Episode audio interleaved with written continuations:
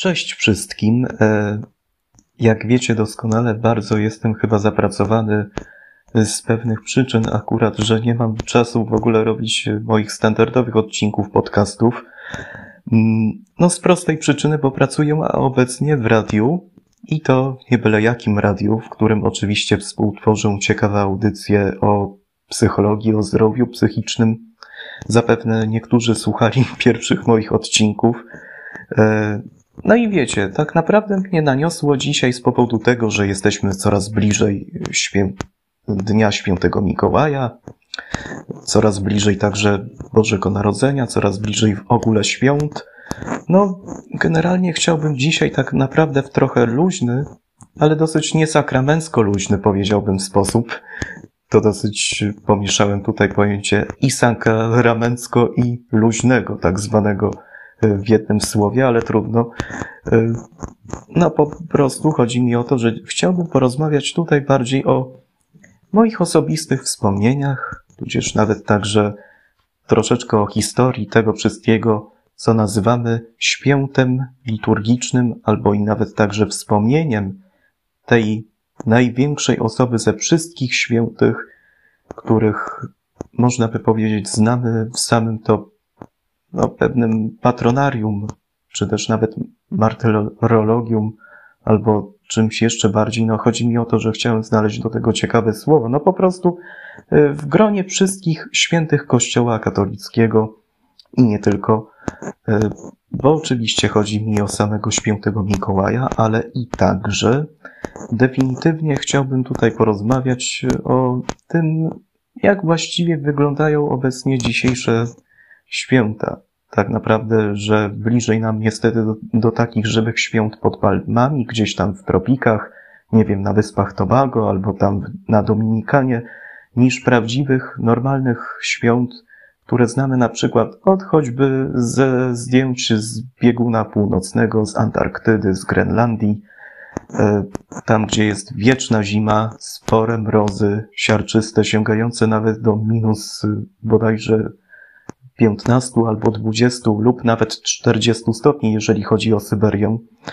E, I prawdziwa radocha, dzieci się cieszą, nie ma szkoły, nie ma ogólnie e, też e, za bardzo dużych, no powiedzmy sobie szczerze, chętek do tego, żeby tym samym cały czas siedzieć w domu, tylko po prostu lepić bałwany, bawić się na sankach, zjeżdżać na nartach z kikami, jak to woli. Generalnie tutaj chciałbym podjąć się tego, że no, wiecie, święta, a zwłaszcza ten okres przedświąteczny, czyli te Mikołajki w Polsce, tak samo jak w wielu krajach, między innymi w Rosji, między innymi w Belgii, tam gdzie postać świętego Mikołaja jest, jest niezwykle czczona, akurat y, moim zdaniem jest to powiedzmy jedno z takich prawdziwych y, przedświątecznych takich y, okresów, w którym tak naprawdę człowiek już się szczyci tym, że już prawie koniec roku, już wszystko tak naprawdę jest na dobrej drodze ku temu, żeby się spotkać z bliskimi, y, no i jednocześnie uczcić to w jakiś uroczysty sposób, te święta Narodzenia Chrystusa y, w stajence betlejemskiej, ale też ogólnie rzecz biorąc, mm, chce mi tutaj się nasunąć pewna kwestia, bo chociaż no pewnie za bardzo niektórzy z Was pamiętają, że no, w czasach takich dawniejszych, jeszcze w PRL-u, Mikołajki to były bardziej takie święta typowo, no niestety zakazane, kojarzące się z zachodnią imperialistyczną propagandą. Ale tak ogólnie rzecz biorąc, tutaj nadal chwytam się tego samego zdania,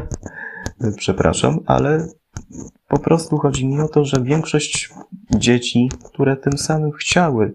dostać coś pod choinką ciekawego, choćby jakiś e, zegarek elektroniczny, jakiś organizer, kalkulator, e, jakieś lalki od też także no, takich napędzanych na baterie e, kolejek elektrycznych, czy też nawet powiedzmy różnych ciekawych no, urządzeń typu deskorolki, rowery.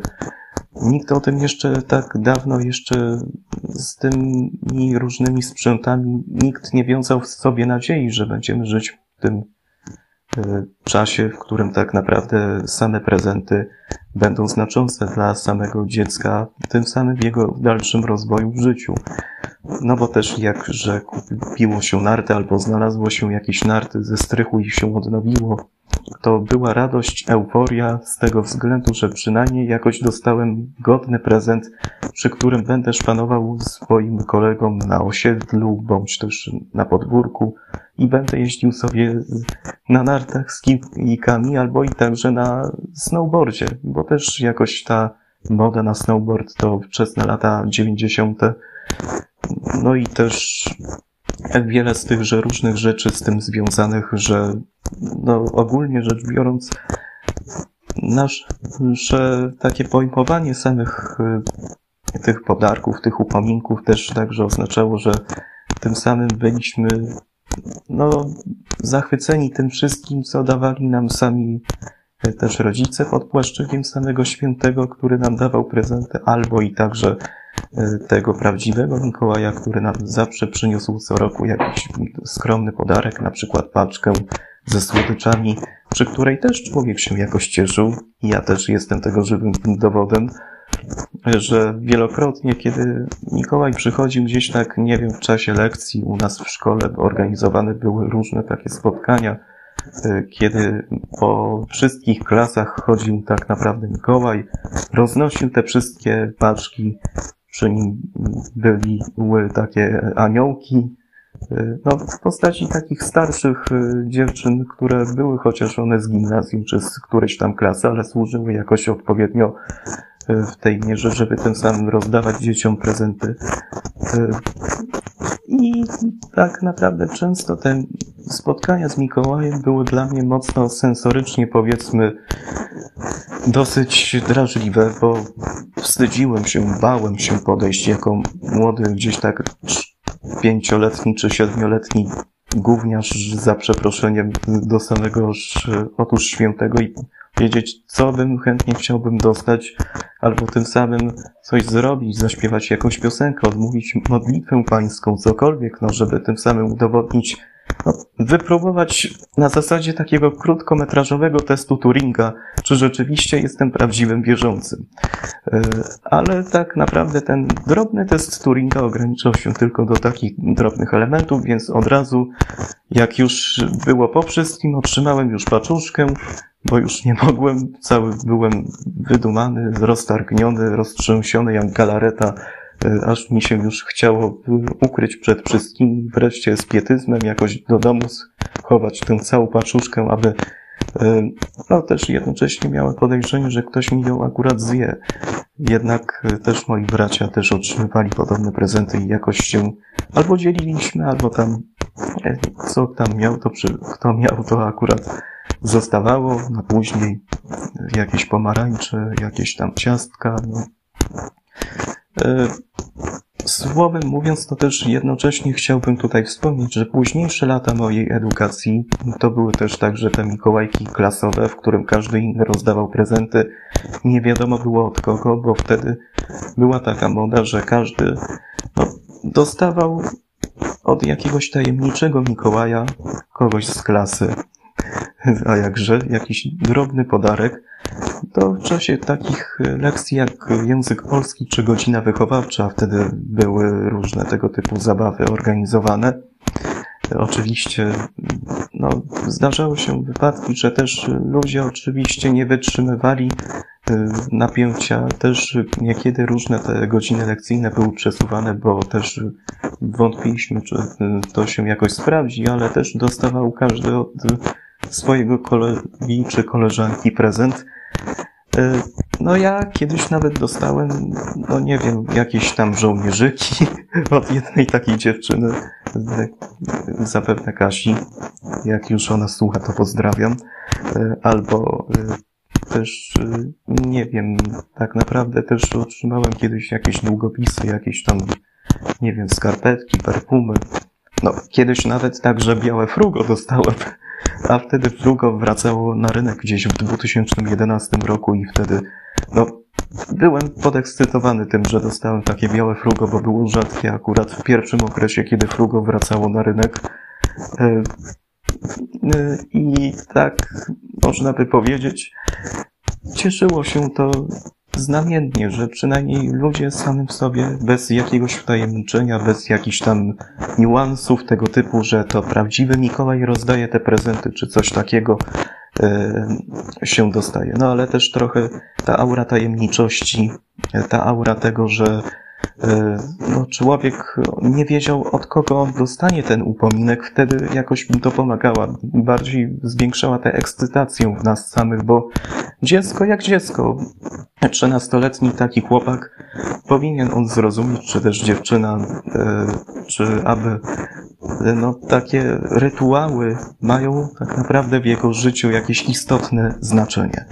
Dla mnie jakieś miały akurat, ale nie były to zaraz takie aż zupełnie wielkie. Tylko, że no, wtedy człowiek się bardziej cieszył z tego względu, że nie tylko, że no, w sensie tego, że dzieci otrzymują u nas prezenty właśnie tego 5 czy 6 grudnia, gdzieś tak w nocy, nie wiem, zwyczajowo albo z niedzieli na poniedziałek, bo wtedy Y, jest owo święto gdzieś tak w weekend albo gdziekolwiek y, w którymś tam dniu y, poprzedzającym gdzieś tak okres pomiędzy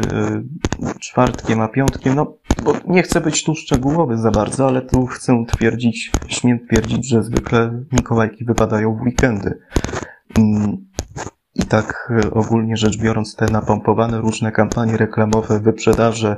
e, w różnych sklepach, e, butikach, czy też nawet w galeriach handlowych, no to, to jest pewien tego jego niezłączony, powiedzmy, komityw całego łączącego się tutaj no, pewnego przemysłu takiego mikołajkowego, przedświątecznego. I tak raczej twierdząc, sobie też zdaję sobie sprawę, że no nie za bardzo jako taki młody, nie angażujący się w religię chłopak, nie miałem pojęcia, jak bardzo święto to jest kluczowe akurat, ale tu chciałbym tu zajawić e, pewną historię tego,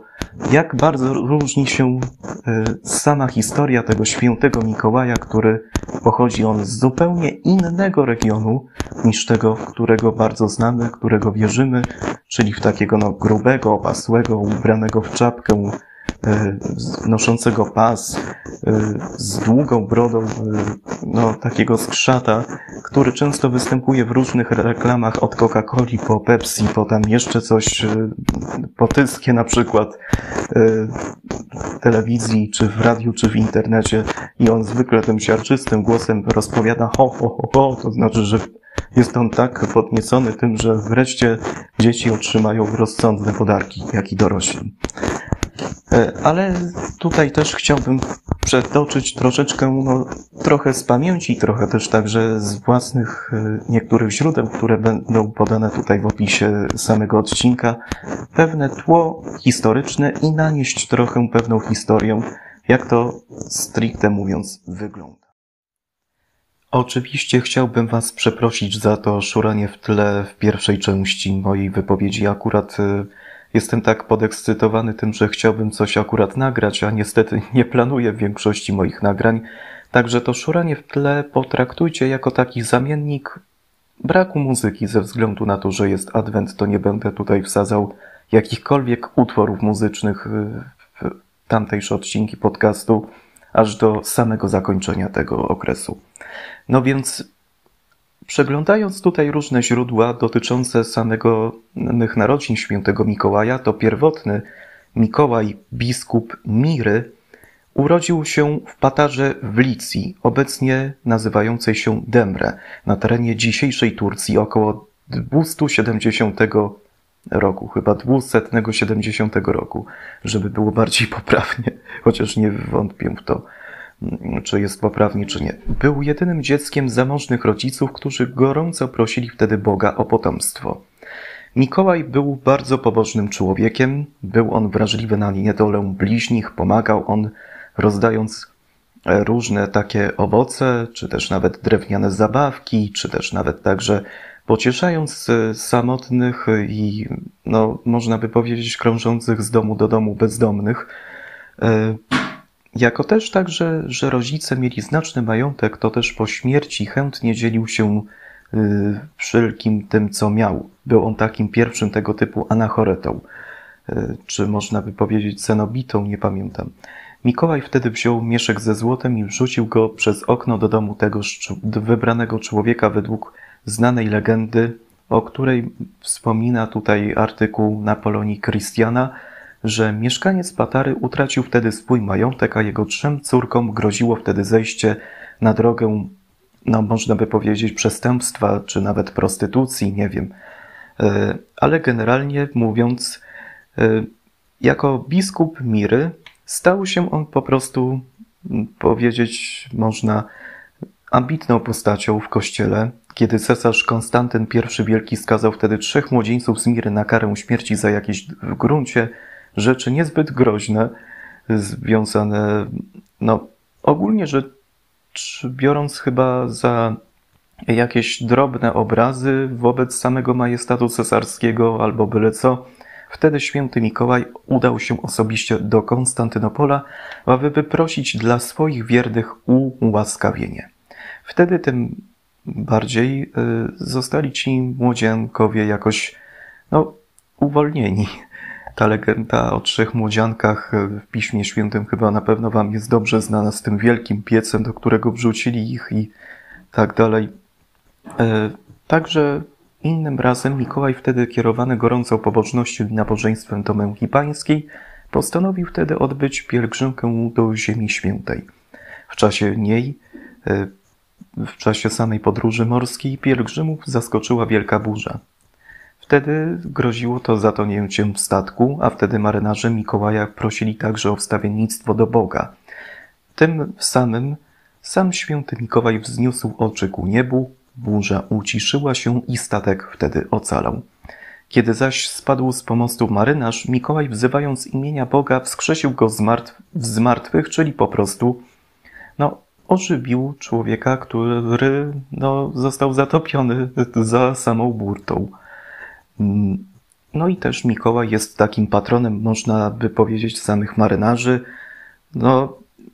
też jednocześnie tradycja głosi, że święty biskup skrzesił trzech młodych ludzi zamordowanych w złości przez hotelarza pewnego pensjonatu za to, że nie uregulowali należności. Jest wiele takich ciekawych e, historii z tym związanych.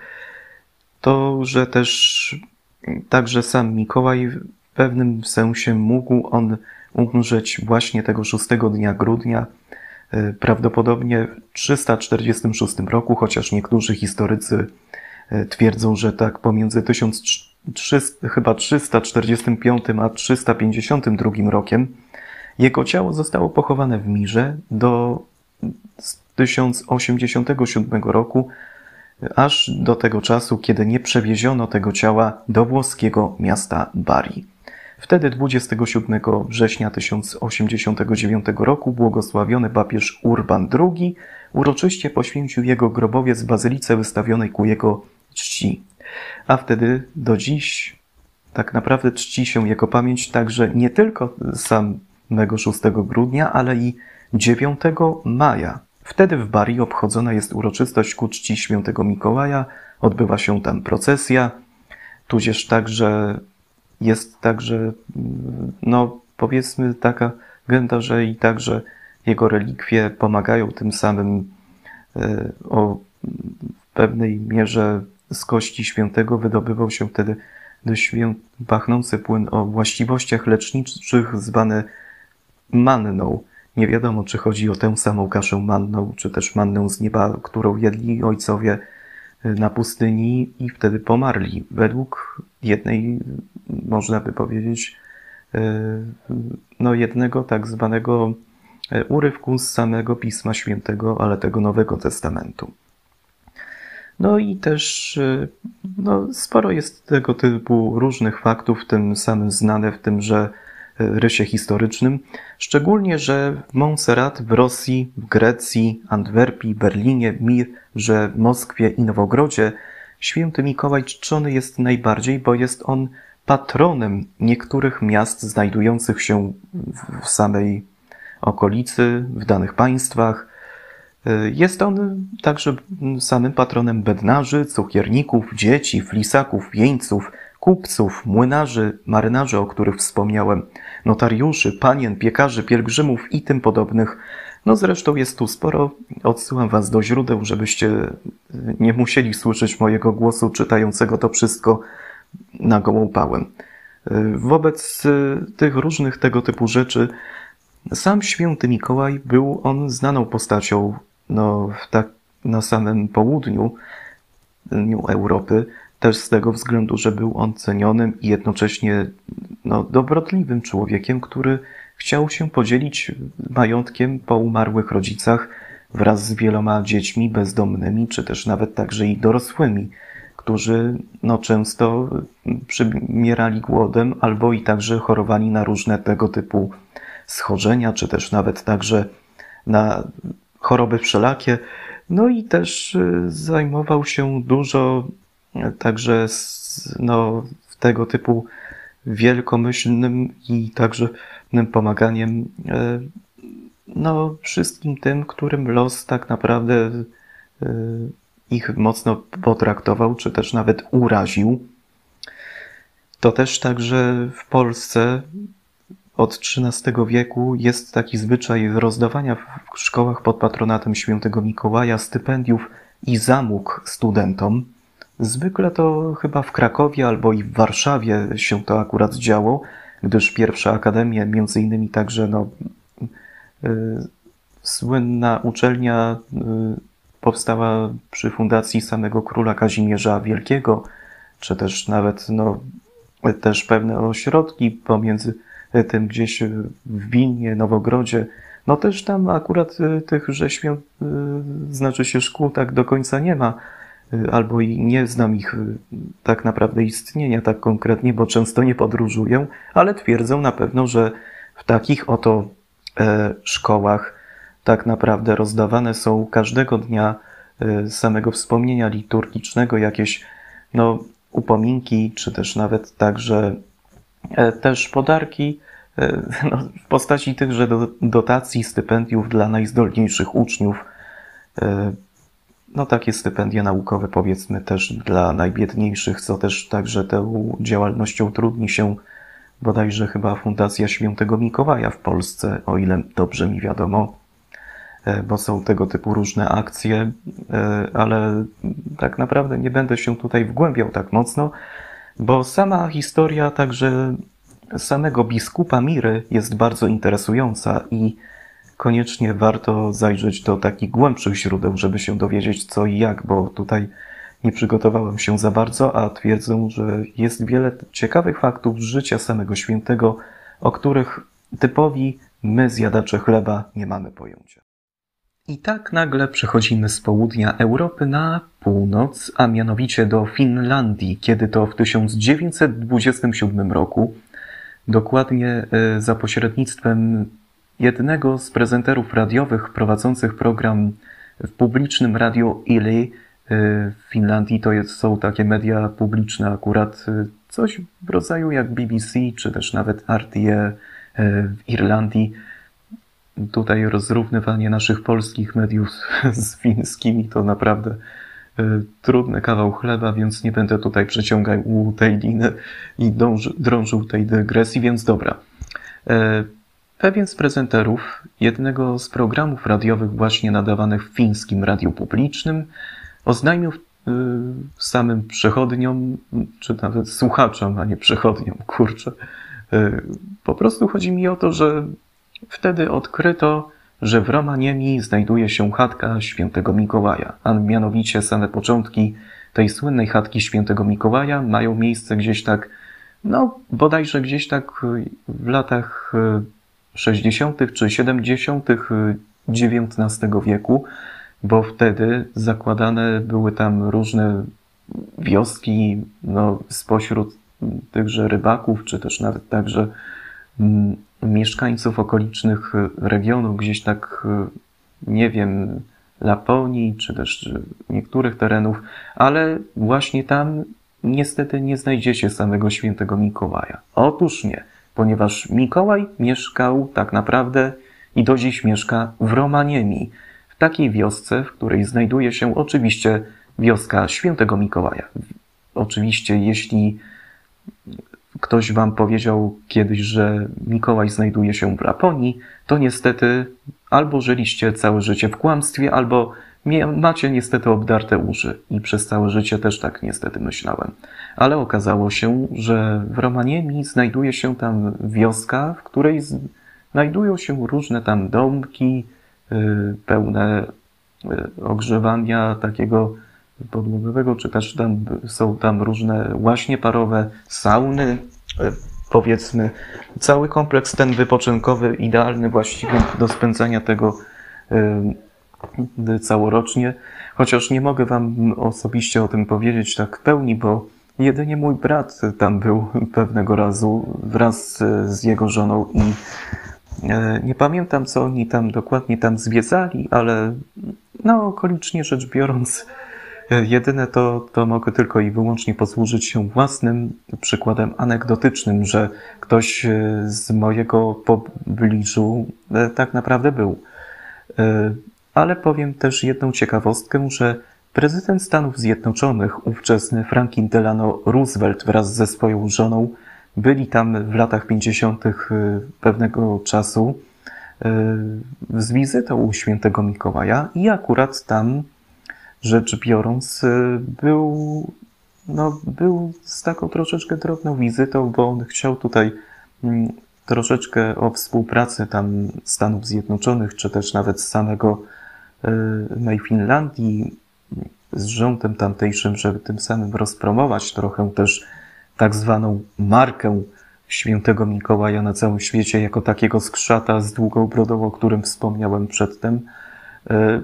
i jakoś wyszło na to, że też rząd amerykański swoje pieniądze dopłacił, ale w czasach obec zimnej wojny y, te terytoria były też trochę pod kontrolą rosyjską, niestety z samego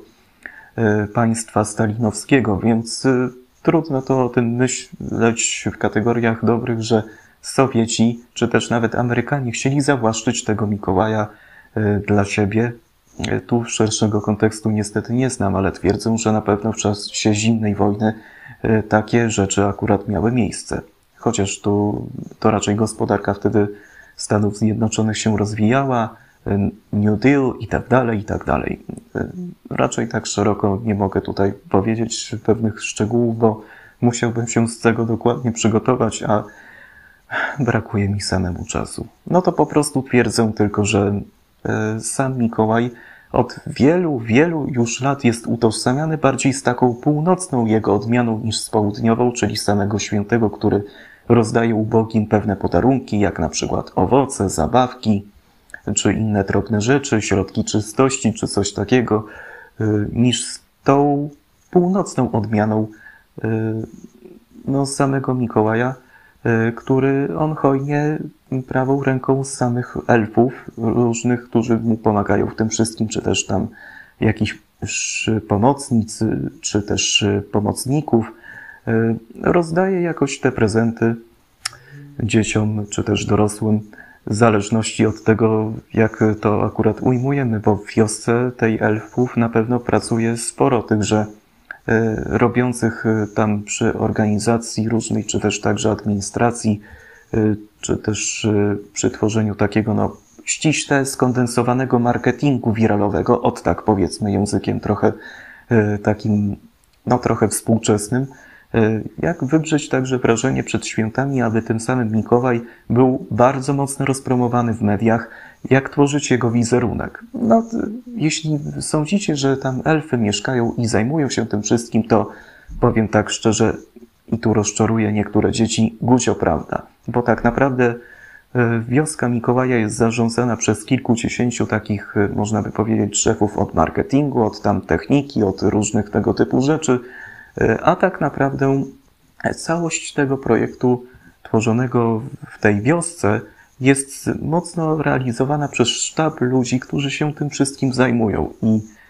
no, to są jakoś, można by powiedzieć, pewni pomocnicy Mikołaja, ale pod względem marketingowym, czy też nawet także e, HR, jakbyśmy to powiedzieli, e, no to jest tysiące ludzi, którzy zajmują się drobnymi, różnymi, e,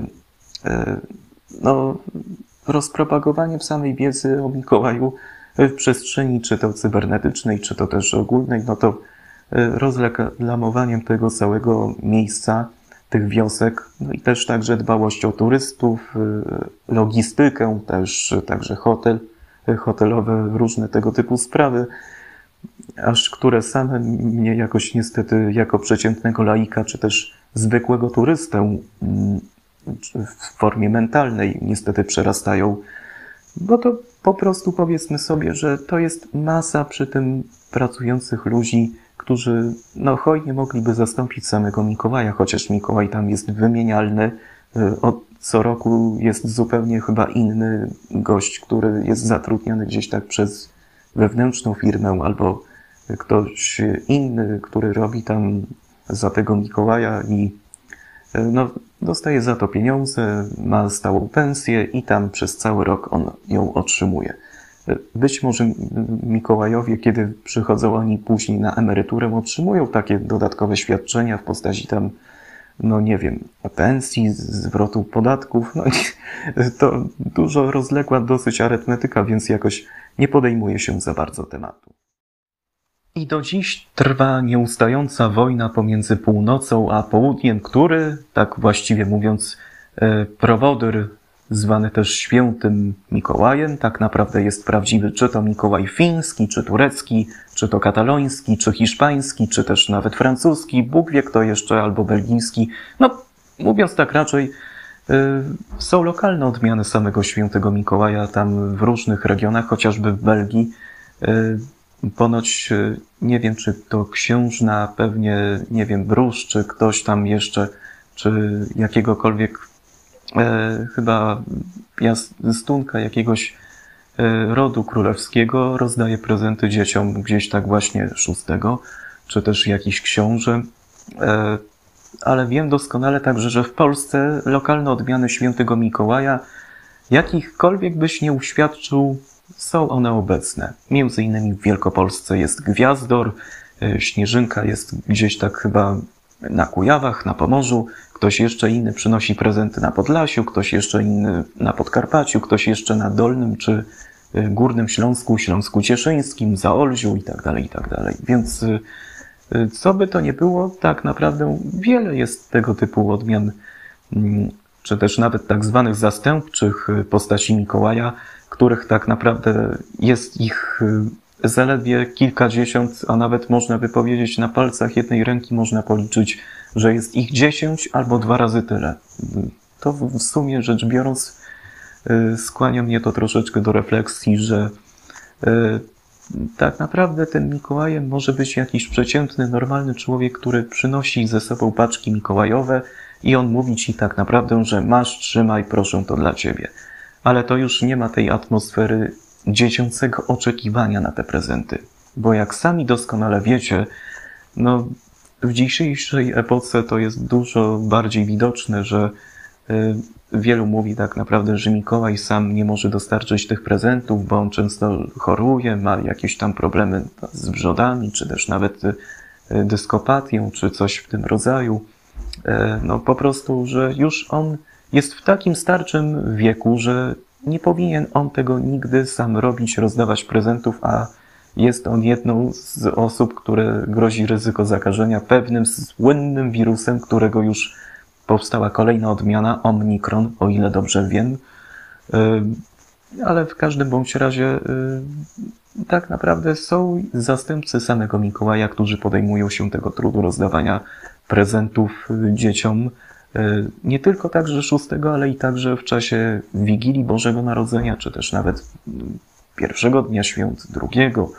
No, no ale tak naprawdę powiedzmy sobie szczerze, e, też e, mówiąc o saniach także samego Mikołaja, czy też o e, różnych tam reniferach Rodolfie, czy też Nixonie, czy też Silverze, Triggerze, kogo jeszcze, bo sporo jest tych imion akurat i tego też jakoś się z tego nie przygotowałem i mam nadzieję, że jak chcecie, to sami wygooglacie nazwy tychże reniferów, bo jest ich ponoć nawet zyliard albo i nawet więcej. W każdym bądź razie twierdzę oczywiście, że no, w dzisiejszej epoce tak naprawdę też jest widoczne to, że straciliśmy już chęć oczekiwania na cokolwiek, że cierpliwość ta dziecięca, czy też radość z oczekiwania czegokolwiek, nawet na przyjście Chrystusa y, całkowitej osobie samego no, władcy świata, że też także niemożność dotrzymania danych postów, danych postanowień adwentowych spowodowała to, że nie umiemy się cieszyć z tego, że nadchodzą akurat święta i że w ogóle nie umiemy się cieszyć z tego, że te święta na pewno będą. Niezależnie od tego, czy będzie jakikolwiek śnieg, czy nie, ale o tym za chwilę. Czy tak naprawdę będzie dobrze przystrojona choinka, czy będzie mnóstwo tych dań na tym świątecznym stole, czy goście do nas wpadną. No, to już robi się z tego tylko taka no, biesiadna y, zabawa przy samej choince y, naszych bliskich z innymi bliskimi, z krewnych z innymi krewnymi i tak dalej, i tak dalej. To po prostu buduje taki obraz naprawdę skomercjalizowanych świąt, których y, no, jedyną potrzebą tego jest tylko samo konsumowanie, kupowanie, robienie tego wszystkiego w sposób przewrotny, ale powtarzalny i niestety od jednego do drugiego, e, kończąc tym samym na pętli, że jedna, druga, jedna, druga, jedna, druga, że konsumujemy, kupujemy, konsumujemy, kupujemy i nie zjawia się tutaj na horyzoncie nic takiego wielkiego, co by miało nas tak naprawdę zmienić. No chyba, że musi się stać cud narodzin, żebyśmy na przykład przestali na przykład palić, czy też y, za dużo pić alkoholu, czy też nawet także y, obiadać się słodkościami, czy też no, robić inne sprośne rzeczy, o których lepiej tu nie wspominać. Y, no, samogwałt i te inne. Zresztą lepiej, żebyście tego nie słyszeli. Albo jak już, to sami sobie dopiszecie, co na liście takich grzeszków ludzkości dzisiaj jest obecne. No na pewno też tak, że no to, że krzywdzimy naszą planetę, ale to już inna bajka, że tak naprawdę e, nie przyzwalamy tym samym pewnych praw do bycia danym ludziom albo tym, no, no różne tego typu rzeczy. Ale to jednocześnie świadczy o tym jedno tak bardzo, że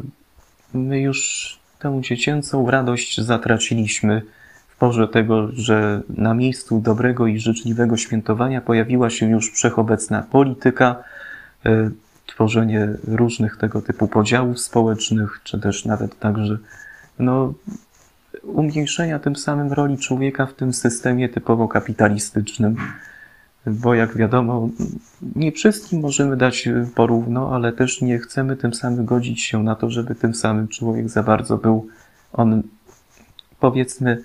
E, no, imputowany w jakiejkolwiek teorii, bo zaraz gdyby to humanizm zwyciężył nad wszelką możliwą ideą, to już byśmy na pewno nie mieli na przykład religii, od tak powiedzmy, albo tym samym też odkrycia naukowe czy też astronomiczne wychodziłyby tylko z ręki człowieka i był on by cały czas zdeifikowany. No i także mówiąc także o różnych e, no, predyspozycjach do zawodów różnych, jak na przykład lekarza, e, medyka, czy też inżynierów, konstruktorów, mechaników, tak byśmy te osoby bardziej traktowali jako takich półbożków, że tak naprawdę gdyby Boga wcale nie byłoby na ziemi, albo i nawet w niebie, albo gdzieś w kosmosie, byłaby tylko jedna taka chłoniąca nas y, samym jakaś egzema, która każe nam twierdzić, że to ona jest tym bóstwem, to tak naprawdę wszystko to by zostało pozbawione sensu. Nie miałoby to zupełnego odbicia na nasze no, relacje, na nasze człowieczeństwo. Kompletnie stracilibyśmy e, głowę i no, zaczęlibyśmy żyć w ogóle jak nasi no, pra, pra, pra, pra przodkowie, żeby nie wysięgać tak jakieś chyba 40 miliardów lat, e, no nie powiem, gdzieś tak wstecz. E, I doskonale chyba o tym sobie radzę, że no, religia jakoś człowieka pozostawia w tym samym bezpiecznej pozycji, No i rytuały. O to mi to wszystko chodzi, że wszystko to przynajmniej daje nam takie poczucie, że jesteśmy no, uczłowieczeni.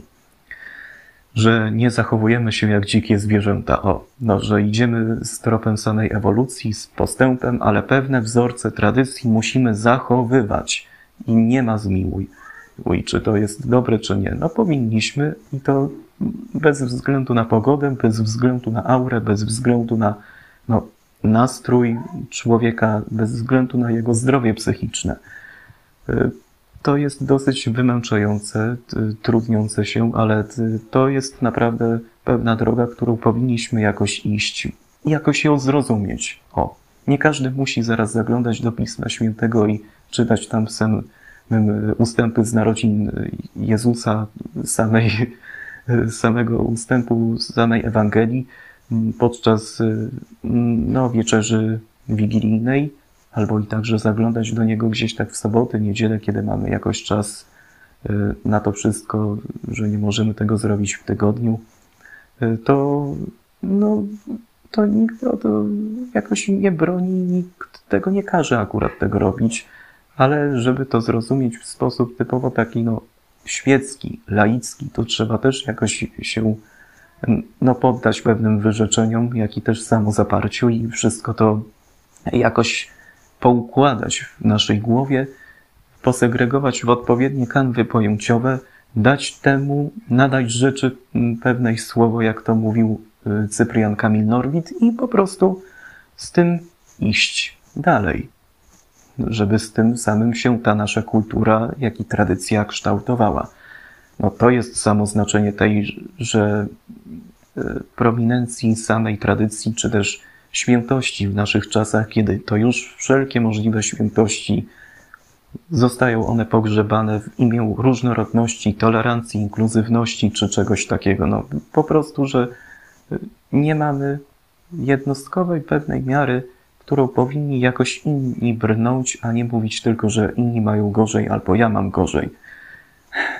No to jest może to kolektywne, ale nie nawiązuję tutaj do żadnych kolektywnych teorii, ani nawet do jakichśkolwiek popędów, tylko zaznaczam to, że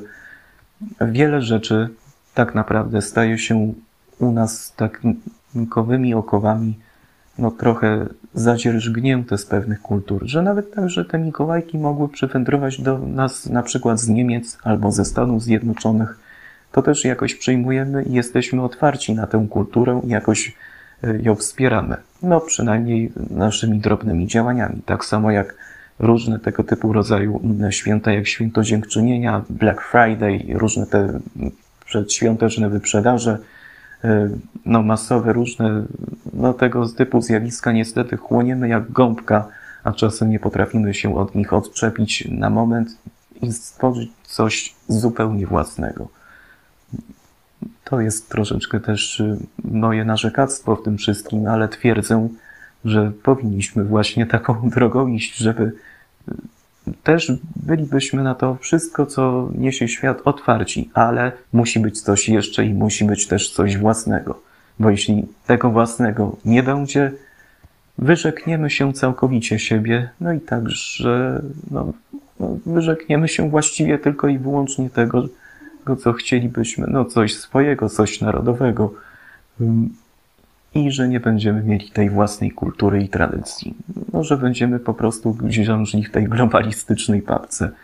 E, tak samo jak wszyscy ci, którzy wierzą w to, że Mikołaj rodem z reklam Coca-Cola jest on ten jedynym prawdziwym, a niestety Gucia prawda, tak naprawdę wiele rzeczy,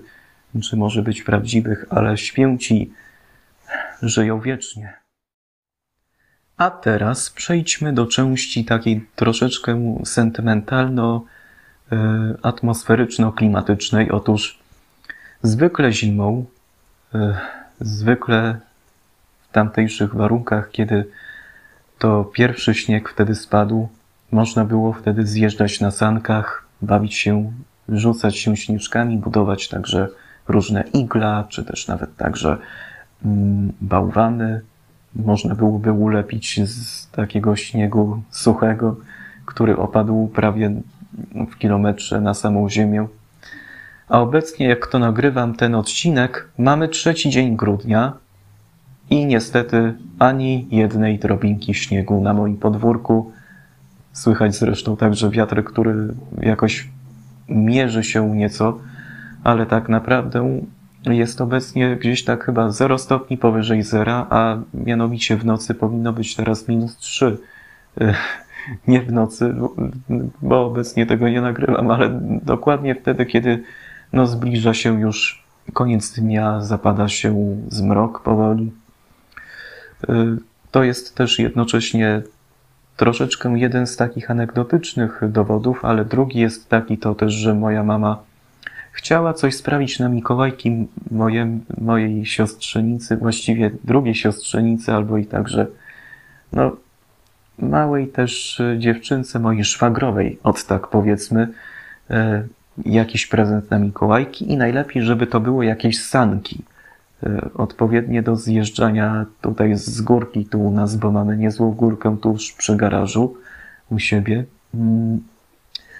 I co z tego wynika?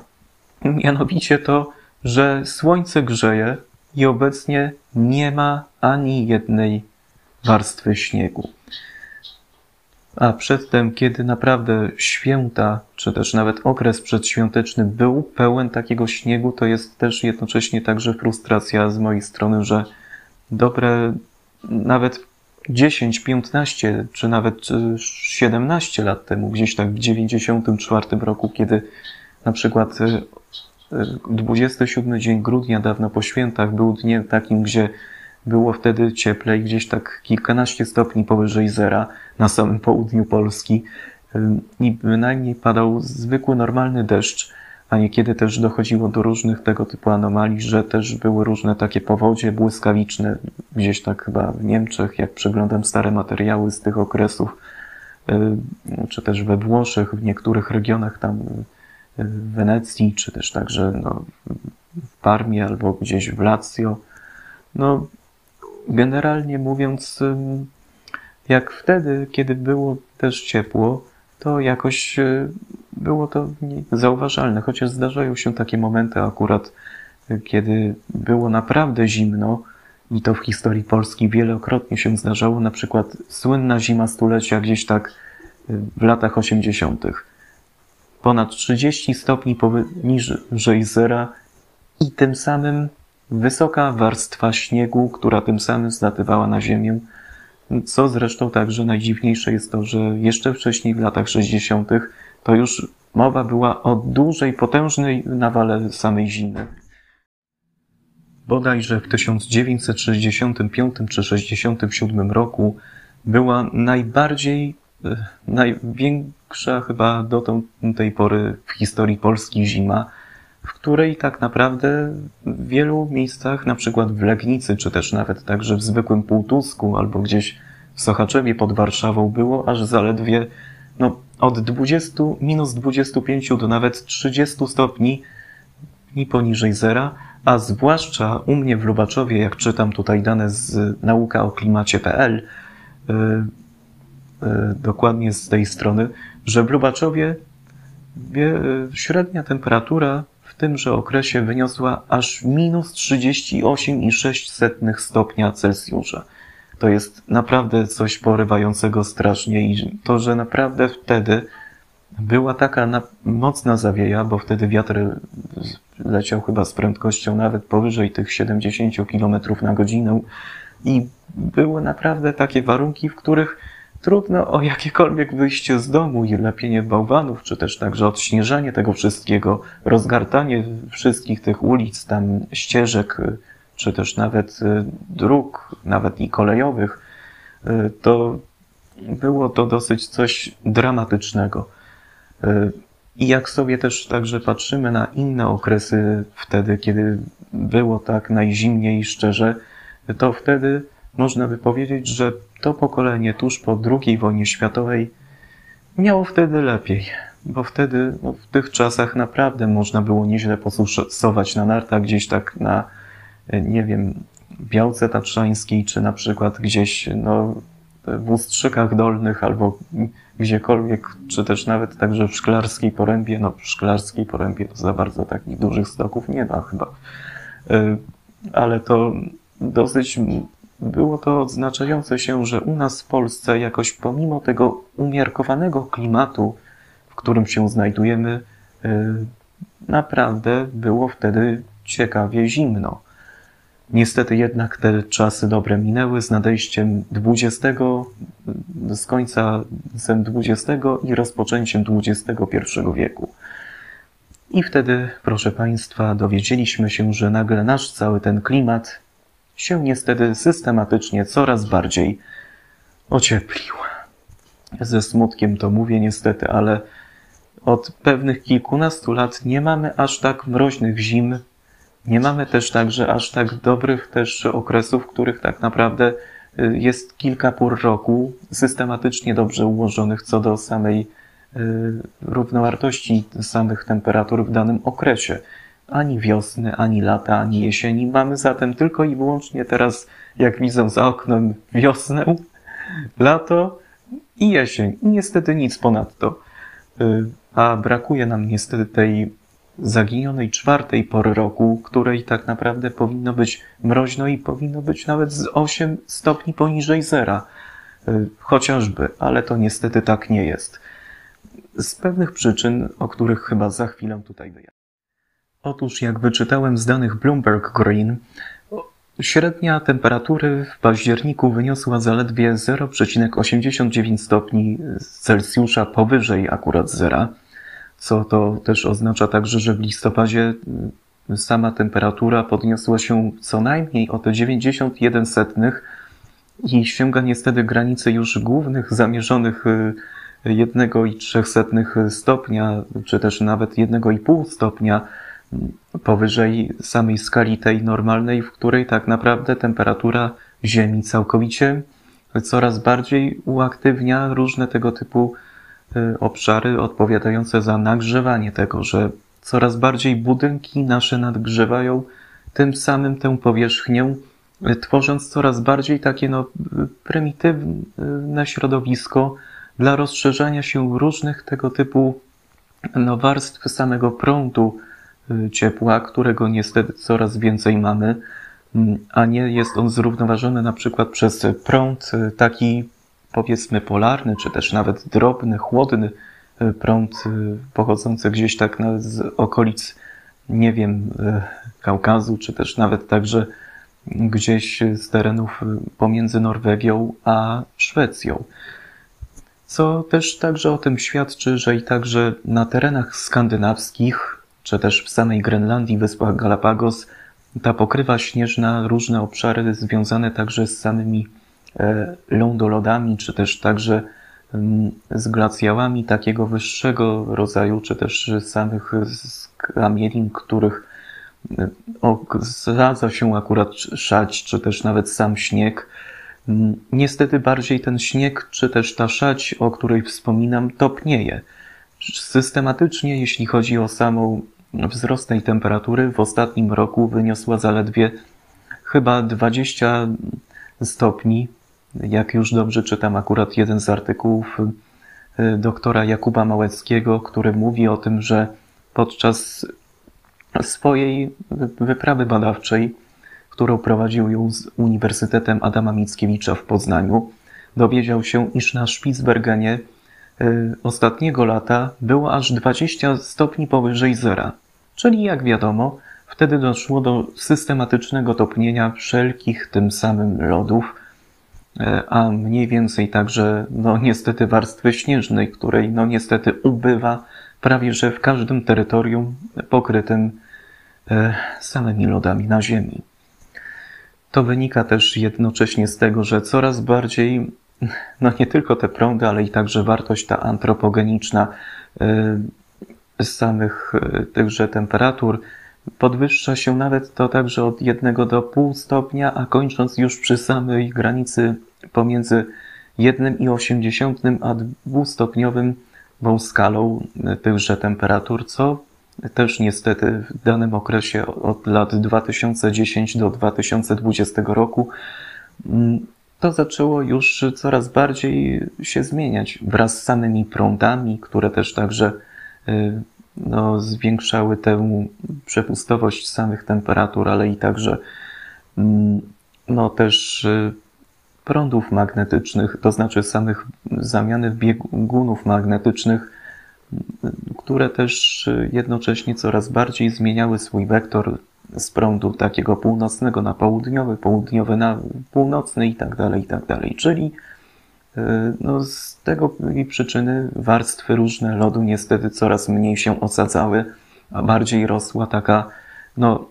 y, działalność bardziej górotwórcza, powiedzmy różnych y, czynników, które tym samym jeszcze bardziej no, nie tyle, że z samymi górami też także powodowały takie no, osłabienie, czy też zanik tej warstwy lodowej, ale i także zanik warstwy gór. Co znaczy wiadomo, niestety coraz bardziej śnieg y, nie jest widoczny także tam, gdzie on powinien być i nam pokazywać to, że jeszcze są pewne obszary, które nam się jakoś przypominają niestety z zimą, a są już dopiero w naszych górach, czy też także no, w Beskidzie Śląskim, czy też nawet w Tatrach, y, po którejkolwiek stronie, czy to polskiej, słowackiej, czy to czeskiej, no trudno tu już znaleźć pewne miejsce, które byłoby dokładnie dobrze przypudrowane śniegiem. Y, no chyba, że występują to jakieś y, nawet opady, które są obecne także i latem, czy też wiosną, y, ale to są tylko drobne takie anomalie, nie mają one szerszego wpływu na takie, no można by powiedzieć, pojawienie się śniegu na stałe na tychże pokrywach, czy też na szczytach samych gór, co mniej więcej także mm, też mi się przypomniała mm, dosyć taka anegdotyczna uwaga o tym, że w Świeradowie Zdroju, czy też nawet także gdzieś tak w terenach koło Żywca, Nowego Targu, tam gdzieś tak w maju, czy też nawet w kwietniu spadł na przykład śnieg z tego względu, że w nocy zwykle temperatura bieżąca wyniosła od 0 do minus 1 czy 2 stopni. Więc tak naprawdę też pewne anomalie występowały, ale pod tym względem, że wtedy masa polarna samego powietrza jakoś przesuwała się przez ten y, obszar gdzieś tak południowej Europy i zawędrowała e, gdzieśkolwiek w tych okolicach, gdzie zwykle powinno być no jakoś wydatna temperatura, gdzieś tak powyżej tych y, dwóch, trzech, czterech stopni. No i doszło do pewnej mierze nawet tego zasypania tychże terenów, ale no, mnie to też nie zaskakuje, gdyż w kwietniu, e, gdzieś tak 2011 bodajże u mnie, albo nawet 9-8 roku, e, na Wielkanoc spadł śnieg, czyli gdzieś tak na lany poniedziałek bodajże. I to było niestety bardzo dosyć doświadczające mnie jakoś czenie, bo wtedy E, zamiast strzelać po prostu z pistoletu na wodę, po prostu e, rysowałem tutaj za pomocą wody jakieś ślady na śniegu, albo po prostu też mm, no, robiłem takiego typu różne ślady, czy też mazałem po prostu, więc jakoś to miało to znaczenie niemałe wobec mnie. A i też także w październiku na sam Dzień Nauczyciela, gdzieś tak no, kilka lat temu też tak samo było. Ale do czego zmierzam? Po prostu, że już im bardziej planeta się ociepla, im bardziej nadgrzewamy tę całą atmosferę, tę przestrzeń, tym mamy zupełnie, że tak powiem, przekichane, że prawdziwej niestety zimy nigdy już kolejne nasze pokolenia nie doświadczą. A jeśli ktoś y, błądzi,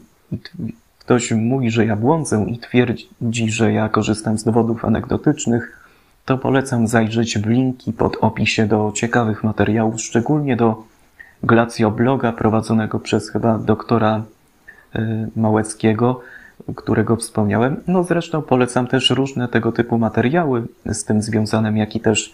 jeden z odcinków Brzmienia Świata z lotu Drozda y, z samym że doktorem, aby się dowiedzieć dokładnie, na czym polega to systematyczne topnienie wszelkich lodów na samej powierzchni Ziemi. No i co nam pozostaje jako ludziom z tym akurat robić? No,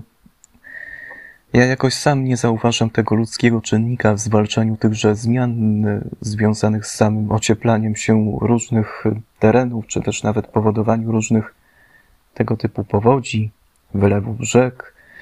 mm, czy też także problemów związanych także z dostępnością wody pitnej, bo o tym też się mówi, że mamy nie za wiele zapasów e, samego mej wody zawartej oczywiście na samych terenach. E, co najmniej chyba z dobre nawet 12% z tego, co niewielkie akurat to są w pewnym sensie zapasy, które niestety nie napoją całego kraju, a już na pewno nie całej Europy. E, I co ja mogę niestety z tym akurat myśleć, no to, że smutno jest, jak się patrzy na pustą, gołą ziemię, z której to dzieci nie będą mogły lepić bałwanów, ani nawet także robić różnego tego typu, no, różne zabawy, czy też nawet także, no, po prostu cieszyć się zimą. A dla mnie, jako człowieka, który już zauważa bardziej coraz to różne tego typu zmiany i nie zamierzam temu zaprzeczać, broń Boże, y, związane z samym to nagrzewaniem się naszej planety, no to ja jako przeciętny człowiek, który niezupełnie jakoś wierzy, że ma to, może mieć wpływ na to, żeby to wszystko jakby zmienić, twierdzą, że trzeba chwytać się wszelkich koniecznych pomocy do tego stopnia, żeby jakoś przeciwdziałać temu i jakoś redukować te skutki samego ocieplania się klimatu na naszej powierzchni, tudzież także różnych tego typu obszarów, w których no lodowce niestety topnieją, czy to też na mm, różnych terenach, czy na przykład takich y, Alp francuskich, czy też nawet y, zwykłych y, terenów, no między innymi także samego Spitsbergenu albo mm, różnych wzgórz, nawet Himalajów, Kilimandżaro. Chociaż w Kilimandżaro i tak nie ma śniegu, więc co ja mogę o tym sądzić? Chyba, że ktoś mnie poprawi. Proszę zatem o maile na firdumdictumprotonmail.ci. Wszystko się wtedy może z tego względu dogadam. Także, no, raczej moim zdaniem też jednocześnie chciałem zwrócić tu uwagę na zmiany, które niestety są dla nas drastyczne, bo ostatnio także w 2017 roku u mnie w moim regionie temperatura gdzieś tak wynosiła powyżej gdzieś tak dwóch, czterech czy siedmiu stopni zimą, a i tak wtedy była wyższa od tej y, przewidywanej dokładnie wartości temperatury gdzieś tak jednego czy trzech stopni. I to jest y, też nawet zadziwiające jest to, że cała reszta tychże regionów Polski, która była pod tym prądem gdzieś tak północ, gdzieś tak Pomorze Zachodnie, albo nawet i no, tereny gdzieś tak pomiędzy mm, Kujawami, ziemią łódzką, no one były najbardziej troszeczkę zagrożone tym, że prądem chłodnym, ale niestety to nie dotarło z tego względu, że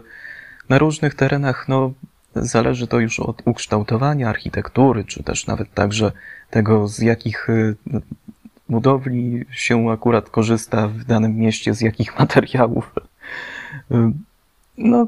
to mówi tutaj samo za siebie też także wartość także zbiorników retencyjnych wody, y, czy też nawet także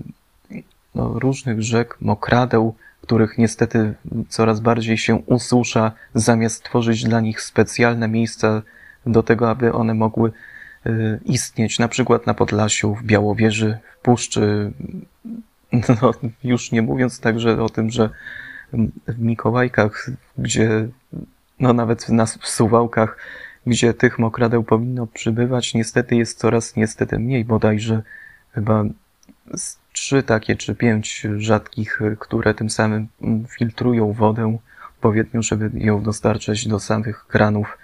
w wodociągach, więc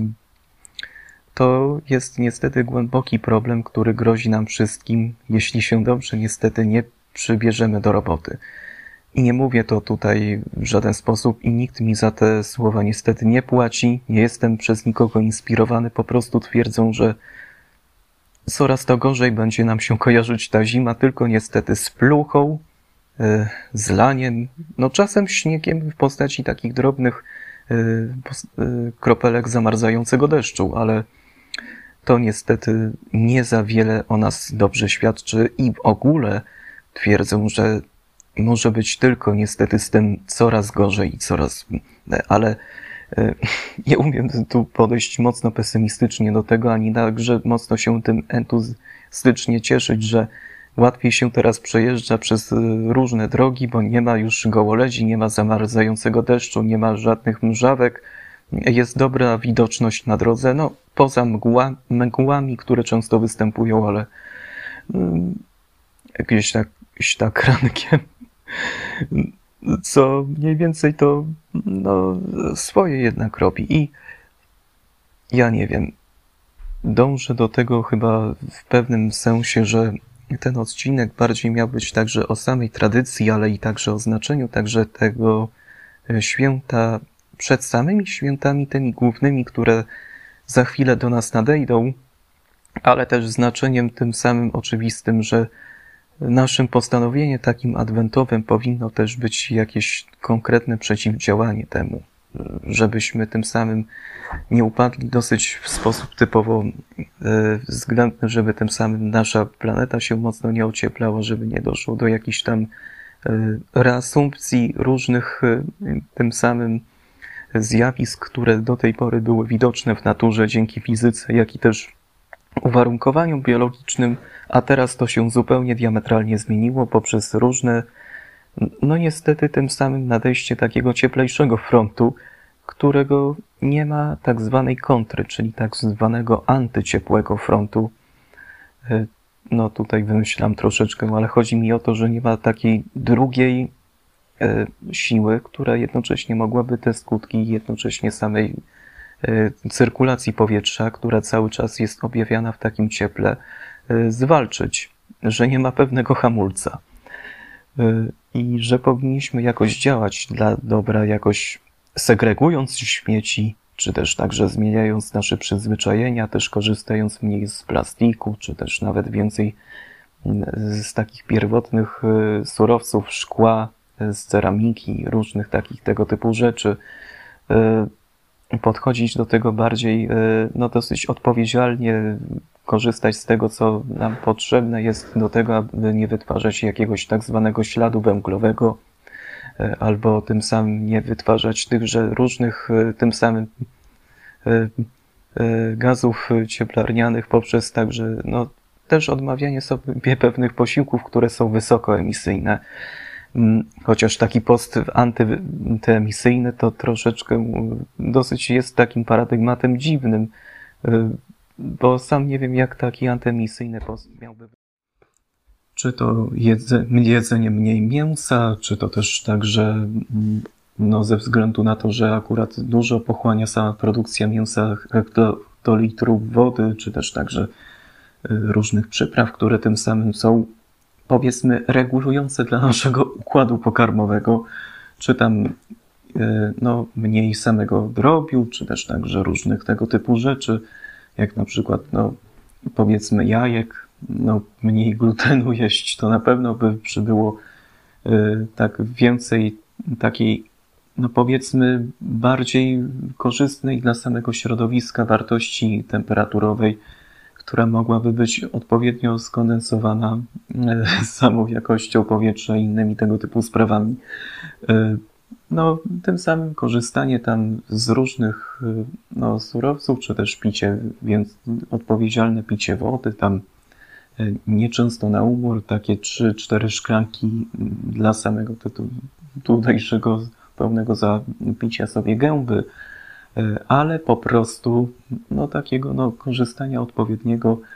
ze wszelkich surowców, no zwłaszcza mycia się pod bieżącą wodą, to trzeba lepiej zważyć, że E, nawet kiedy zimną wodą naprawdę obmyjemy się cali pod prysznicem, to nie za wiele też tak, że z tego może tym samym dobrze wyniknąć. A już na pewno y, też, jeśli chcielibyśmy tym samym odejść od tego wszystkiego, co już wspomniał, od mięsa i ten produktów wysokobiałkowych, to i e, lepiej y, wziąć się za warzywa strączkowe, fasolę, tam bób, Y, coś w tym rodzaju, też no, kiełki różne tego typu jadalne, tym samym jeść w kanapkach, więcej warzyw, takich no, sałatek zróżnicowanych o różne takie warzywa, no nie dosyć takie zaraz egzotyczne, to mogą być proste, takie jak pomidory, cebula, czy chociażby papryka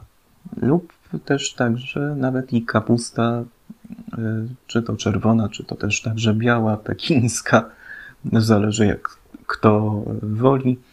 No i też no, korzystanie bardziej mniej z takich białek typu majonez, typu tam musztardy. No, musztardy to jakoś wysokoemisyjne to nie są, więc co ja mówię. No i też e, także no, po prostu także no, skorzystanie z bardziej olejów roślinnych niż e, większej ilości takich sztucznych, utwardzonych e, olejów palmowych, kokosowych i tych innych, rafinowanych zupełnie. No też o cukrach, nie wspominając także już o takich no bardziej prostych. Miód tak naprawdę też jest cukrem prostym, ale takim, no powiedzmy, zmieszany z innymi cukrami, bo to też tak, że łatwo taki miód y, sztuczny się wytapia, tudzież wielokwiatowy, który ma tylko i wyłącznie cukry proste, a niekoniecznie musi zaraz być zdrowy. Ale też także gatunkowo są różne, te, można przepierać w różnych tam rodzajach miodu gryczanego, czy też spaziowego. No, w zależności od tego, jak chcielibyście, żeby wasze pierniki smakowały, bo to też w zależności od gatunku samego miodu dobrze wychodzą dobre ciasta na pierniki, nawiązując oczywiście do tematu świątecznego. I głównie rzecz biorąc, y, no takiego postu powiedzmy wstrzemięźliwości od różnych tego typu y, no, rzeczy związanych także z nadprodukcją papieru u nas, y, u siebie w mieszkaniu, czy też także różnych kurzy, które się tam walają, czyszczenia odpowiednimi środkami, nie szkodzącymi tym samym na atmosferę, czy też nie wytwarzający jakichś sztucznych no nie wiem, plastików, mikroplastików, coś w tym rodzaju. No po prostu też korzystanie z plastiku to też jednocześnie powinno się uregulować w tymże okresie, jeśli chce się zwalczyć na dobre te nawyki korzystania na przykład z jednorazowych sztućców w restauracjach czy cokolwiek, chociaż już ten trend jakoś dobrze kumuluje w takich dobrych w jakości barach. Ostatnio byłem w, w takiej restauracji czy raczej barze szybkiej obsługi, powiem szczerze, w centrum handlowym stara ujeżdżalnia nazywającej się Aromat. Tam akurat y, no, można jeść sobie akurat y, na tacy cokolwiek się chce, tak, taka troszeczkę stołówka y, z różnymi daniami i tam są akurat same sztućce te metalowe, więc niekoniecznie to są tylko jednorazówki. I muszą być, więc no coś w tym ściśle mówiąc, rodzaju. A w każdym bądź razie, to ja życzyłbym sobie tylko tego, żebyśmy no, tym samym też umieli tym samym rozróżnić tego, czym różni się tak naprawdę Mikołaj, ten e, północny wytwór samej wyobraźni takiej zachodu, e, a też trochę taki element samej wschodniej kultury skandynawskiej, od tego, co jest tym samym też pewnym wzorem tym samym Zachodu, który już dawno został wytracony, czyli samego biskupa Zmiry e, i tym samym też odróżnić samą pogodę od klimatu, e, jakość powietrza od e, samej temperatury, no też także samej wartości śniegu od także wartości skamielin i tych innych rzeczy, o których w dzisiejszym odcinku mam nadzieję wspomniałem ściśle i do, dościgle. No cóż, próbowałem raczej e, być taki ścisły i dościgły, ale to już wasza ocena w tym, czy aby na pewno tak było. Mm. No to cóż,